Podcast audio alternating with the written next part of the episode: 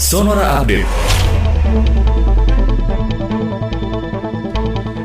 Selamat siang sahabat Sonora, Menteri Perdagangan Muhammad Lutfi mengatakan pameran berperan penting dalam memperkuat dan membuka kerjasama bisnis berkelanjutan dan transfer teknologi. Hal tersebut disampaikan Lutfi saat diskusi panel di Forum Ekonomi Internasional di St. Petersburg yang berlangsung di Rusia.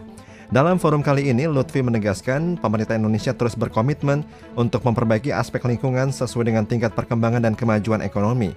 Upaya ini dilakukan baik oleh pemerintah dan swasta maupun dengan bekerja sama dengan pemerintah ataupun lembaga internasional yang ada.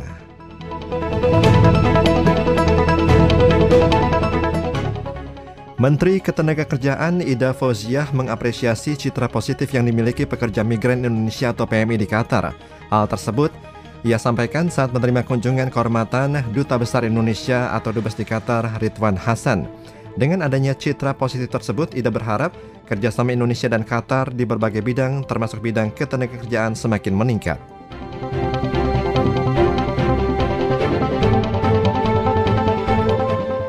Kita beralih ke berita olahraga, pelatih timnas Indonesia Shin Taeyong mengatakan kondisi para pemainnya menjelang laga kontra Vietnam. Setelah melawan Thailand, Indonesia akan berjumpa Vietnam dalam laga lanjutan Grup G kualifikasi Piala Dunia 2022 zona Asia.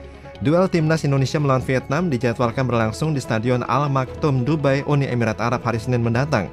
Pada laga kontra Thailand sebelumnya, timnas Indonesia bermain imbang dengan skor 2-2. Egi lebih dahulu ditarik keluar karena mengalami cedera bahu dalam sebuah serangan balik yang tengah dilancarkan Indonesia pada awal babak yang kedua.